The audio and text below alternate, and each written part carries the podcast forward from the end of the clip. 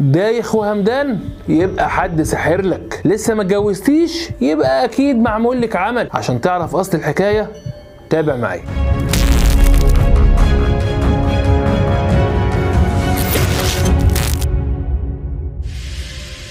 السحر الأسود وهاروت وماروت واقع في القرآن الكريم وجميع الكتب السماوية عالم مليان بأسراره وغموضه. السحر الأسود وخفاياه المظلمة آمنت بالكلام دون أو ما آمنتش بيه لازم تعرف حاجة واحدة بس دي أعمال شيطانية. وللأسف ناس كتير في زماننا دون بتمارسها. كتير من الناس لما بتحصل له مصايب أو مشاكل في حياته يقول لك أكيد في حد سحر لي. أو واحدة تعبانة في حياتها تلاقي حد يقول لك ده تلاقي حد عامل لها عمل ويبدأوا يدوروا على السحرة والمشعوذين علشان يفك لهم السحر. والعمل المعمول. بخور وشموع وأعضاء حيوانية ودم وشعر وحاجات شيطانية وطلاسم غير مفهومة. حاجات بيجمعها شيء واحد بس الشيطان. والحاجات دي ما بيجيش من وراها غير حاجة واحدة بس ضرر كبير محدش بيقدر يتحمله. لو انت كنت فاكر بقى إن السحر ده حاجة جديدة تبقى غلطان. فالبشرية تعرف الموضوع دون من آلاف السنين. ومش كده وبس ده كمان كانوا بيعملوا للسحرة والمشعوذين مناصب قيادية ومراكز كبيرة وكمان خلوا القرارات الخطيرة للسحرة والمشعوذين. البداية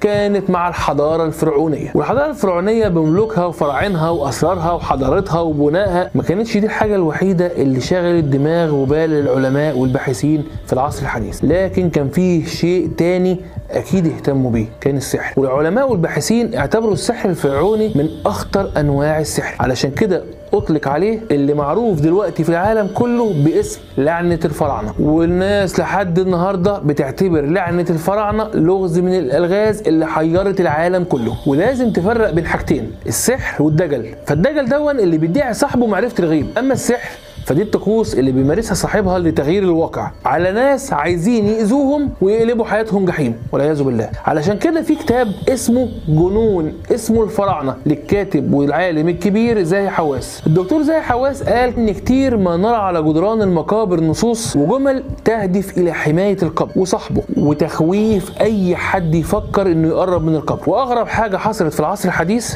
الجملة اللي لقوها مكتوبة على مقبرة توت عنخ امون لما اكتشفوا المقبره كان مكتوب سيضرب الموت بجناحيه السامية كل من يعكر صفو الملك توت. وده حصل فعلا للي اكتشف القبر. العالم هوارد كارتر حصل له نهاية مأساوية وكأن سحر القبر اتحقق. وكمان الدكتور زاهي حواس قال إن الكهنة عند الفراعنة كانوا بيمارسوا أبشع أنواع السحر على الأحياء كمان مش على الأموات وبس. واستند بكده على ورقة بردي مصرية تم اكتشافها كان مكتوب فيها إن كاهن من الكهنة اكتشف خيانة مراته فعمل سحر أسود لعشقها قلب حياته جحيم. وقلب ليله نهار ونهاره ليل وبيكمل في الكتاب بتاعه وبيقول إن مش كل الكهنة كانوا بيعملوا سحر أسود لأن دي كانت وظيفة لكهنة معينين كان اسمهم الكهنة المرتلين. هم اللي كانوا مختصين بموضوع السحر الأسود ده. وما كانش ينفع كده إن أي حد يبقى ساحر. ولكن بالرغم من كل ما هو مشهور ومعروف عن سحر الفراعنة إلا كان فيه سحر أخطر وأبشع من سحر الفراعنة. ألا وهو سحر الحضارة البابلية. وما أدراكم ما هو سحر البابليين. في الحضارة الفرعونية السحر كان من الكهنة وبس. إنما بابل كان السحر منتشر بين الناس وده الشيء المرعب للأسف. علشان كده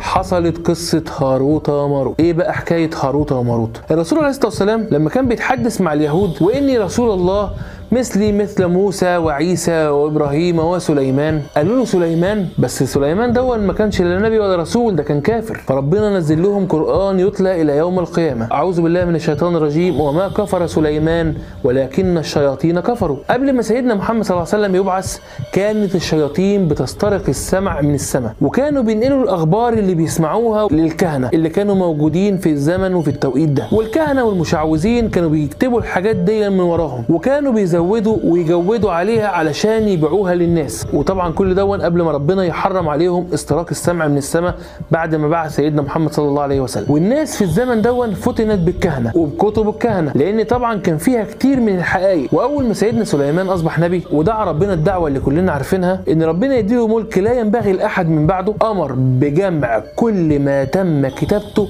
من الكهنة ووضعه داخل الكرسي اللي كان بيقعد عليه حتى لا تفتن الناس مرة أخرى. وأي شيطان يفكر إنه يقرب من الكرسي بتاع سيدنا سليمان كان بيتحرق. ومرت مئات السنين ومات سيدنا سليمان واستنت الشياطين كمان لحد لما مات كل من كان يعلم بسر الكتاب اللي كان جوه الكرسي وبدأت ترجع للناس تاني وتقول لهم أنتوا كنتوا فاكرين إن سيدنا سليمان نبي؟ ده لا كان نبي ولا حاجة ده كافر ده كان راجل مشعوذ ساحر. الناس طبعا زعلت جدا من اللي بتسمعه وما يعرفوش إن الكلام ده صح ولا غلط ومحدش لا بينفي ولا حد بينكر ولا حد بيثبت. فسألوهم طب الكلام ده لو صح فين الكتب دي؟ قالوا لهم هنقول لكم على السر الكتب دي في كرسي سليمان اللي كان بيقعد عليه. فطبعا الشياطين ما تقدرش تقرب من الكرسي إنما البني آدمين اللي صدقت الكلام دون فتحوا الكرسي ويلاقوا الكتب ويرجع السحر بأبشع صوره مش مع الكهنة وبس ده بقى بين كل الناس. وبدأ الشياطين إن هم يعلموا الناس السحر ويقولوا لهم عشان تبقوا زي سليمان. فربنا سبحانه وتعالى اتكلم في القرآن عن ملكين اختلف المفسرين ما بين هم ملائكة نزلوا من السماء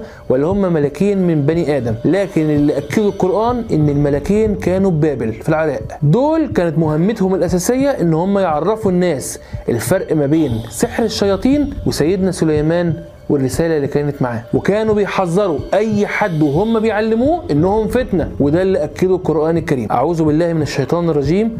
واتبعوا ما تتلو الشياطين على ملك سليمان وما كفر سليمان ولكن الشياطين كفروا. يعلمون الناس السحر وما أنزل على الملكين ببابل هاروت وماروت وما يعلمان من أحد حتى يقولا إنما نحن فتنة. فلا تكفر. فيتعلمون منهما ما يفرقون به بين المرء وزوجه. صدق الله العظيم. لكن في كتب اليهود قصة هاروت وماروت شيء آخر لا يتخيله عقل. ولا داعي لذكره لأنه شيء فعلا لا يعقل. أما في أفريقيا القديمة حيث شعوب البربر والأمازيغ فانتشر عندهم ما يسميه المؤرخون عقيدة الفودو. والسحر عند الأفارقة شغال لحد دلوقتي. وطبعا بنسمع عنه في ماتشات الكورة وخاصة في أفريقيا. أما الكنعانيون فكانوا بيعتقدوا بالقوة السحرية الكبيرة بتكمن في القطط والكلاب اللي كانت موجودة عندهم. وكانوا بيتشائموا من نباح الكلاب بالليل وبيتهموا الكلاب باستدعاء الشياطين لإلحاق الأذى بهم وهم نائمون. وما زالت لغاية النهاردة في ناس بتتشائم من مواء القطط ونباح الكلاب وخصوصا بالليل. لغاية لما استلم اليهود راية السحر. والعياذ بالله. وأول كتابين اتكلموا عن السحر هما التلمود والكبالة. علشان كده الدكتور عوده عبد الله في كتابه التلمود وأثره في صياغة الشخصية اليهودية إن كتاب التلمود هو أول كتاب في السحر. ومعنى التلمود التعليم وهو من أهم الكتب الدينية عند اليهود. أما بقى الكبالة دي معناها القبول والتلقي. وفي العصر الحديث في كتابين اتكلموا عن السحر وتم تحريمهم وتجريمهم ومصادرتهم. الأول اسمه شمس المعارف الكبرى وده كتاب بيتكلم بيتكلم عن كيفية تحضير الجن. والكتاب ده اختفى لفترة كبيرة إنما اتعادت طباعته في التسعينات في مكتبة في بيروت ورجع انتشر تاني. والكتاب التاني هو كتاب العزيف وكلمة العزيف معناها أصوات اللي بتطلع من الحشرات بالليل. وده كتاب كتبه الشاعر عبد الله الخزردي اللي معروف باسم العربي المجنون. والراجل ده بقى قال إن هو عارف مكان مدينة إرم ذات العماد اللي ذكرها القرآن. وزعم برضو إنه اتصل بقوم عاد وعرف منهم أسرار الكون اللي هم عارفينها ومحدش يعرفها غيرهم. وكتب كتابه الملعون ده. وده كتاب بيتكلم عن الحضارات القديمة وكيفية الاتصال بالعالم الآخر وبأهل هذه الحضارات. واستحضار أرواحهم. وقال إن الأرض مليانة بشياطين سكنت أجساد البشر واتجوزت وخلفت وليهم ذرية موجودة لحد النهارده.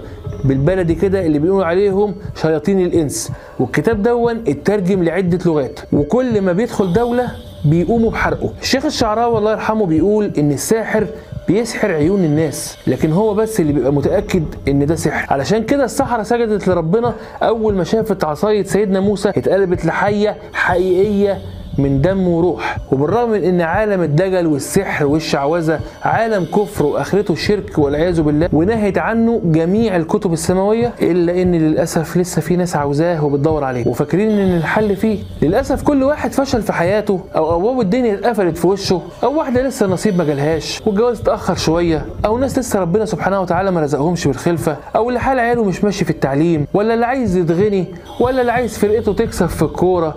وغيرهم وغيرهم وغيرهم يجروا يروحوا على النصابين والمشعوذين والدجلة والسحارين. بني آدم عايز إيه؟ محدش سأل نفسه سؤال مهم. هم السحرة لو فعلا بيعرفوا الغيب وبيقدروا إن هم يغيروا الواقع. ما حكموش العالم ليه؟ كان هيبقوا أغنى الناس. وما كانش هيبقى في حاجة اسمها لا علم ولا عمل ولا تطور ولا تكنولوجيا. كنا هنلاقي كل الدول واقفين قدام أبواب الصحراء. وللأسف برضو وسائل الإعلام بتلعب دور سلبي جدا في الموضوع دوت. من خلال استضافتهم للناس دي على شكل منجمين ومتنبئين والناس بتعرف بكرة في إيه وبعد بكرة هيحصل إيه ومين هيكسب إيه ومين هيموت ومين هيعيش. وكل ده كلام دجل وسحر وشعوذة ونصب في نصب. بدل ما يجيبوا لنا ناس مهمة محترمة بتتكلم عن اختراعات واكتشافات بيجيبوا لنا الناس اللي بتبيع الوهم وبيعتمدوا على وهم الناس البسيطة الغلبانة بيهم علشان يسوقوا بضاعتهم الرخيصة اللي آخرها جهنم والعياذ بالله. البعض بيؤمن إن العين حق أكتر من إيمانه بإن الله خير الحافظين ومن الآخر ده مرض.